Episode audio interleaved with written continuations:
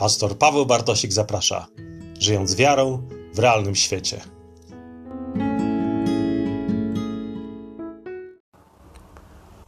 Witajcie w kolejnym odcinku podcastu Żyjąc wiarą w realnym świecie. Z tej strony pastor Paweł Bartosik z Ewangelicznego Kościoła Reformowanego w Gdańsku.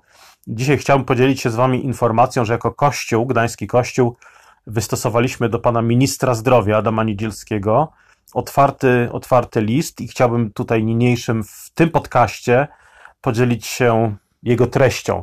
E, jego treść jest oczywiście również dostępna w internecie, jest na, na moim blogu e, pbartosik.pl, jest dostępny na profilu facebookowym naszego kościoła. E, w tym miejscu jednak chciałbym dla osób, które preferują tą, że tak powiem, audio formę słucha, słuchania, podzielić się treścią właśnie tego listu. Szanowny panie ministrze, chcielibyśmy wyrazić swoją wdzięczność za trud i poświęcenie w niełatwej służbie, którą pan pełni. Jednocześnie zapewniamy o nieustannej modlitwie o władzę oraz mieszkańców naszego kraju zgodnie z Bożym przykazaniem. W pełni rozumiemy y, zagrożenie wynikające z choroby COVID-19 i potrzebę podjęcia środków ostrożności.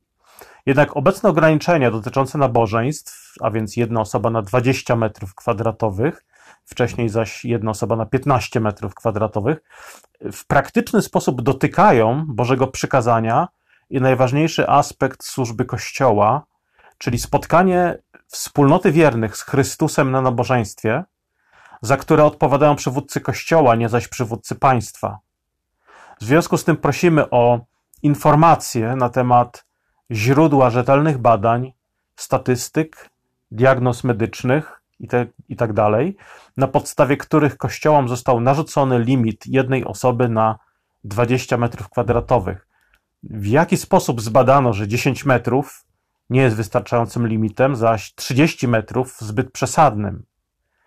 Wielokrotnie słyszeliśmy, że wszelkie restrykcje są oparte, oparte na solidnych faktach naukowych, Będziemy wdzięczni za podanie źródeł informacji, na których opierają się Państwa decyzje dotyczące zakresu przestrzeni bezpieczeństwa w kościołach, gdyż pozbawiają one tysiące chrześcijan możliwości uczczenia Boga zgodnie z Jego przykazaniem, które brzmi, tutaj cytat z listu do Hebrajczyków, 10 rozdział, 25 werset.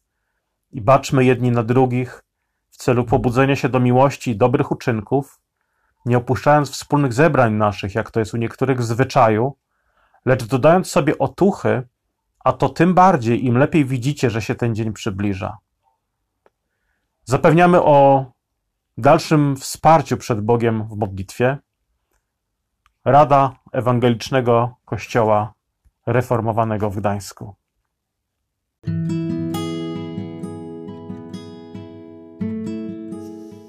Dzięki za Twój czas i za wysłuchanie. Zapraszam na kolejne podcasty i do odwiedzenia bloga pybartosik.pl.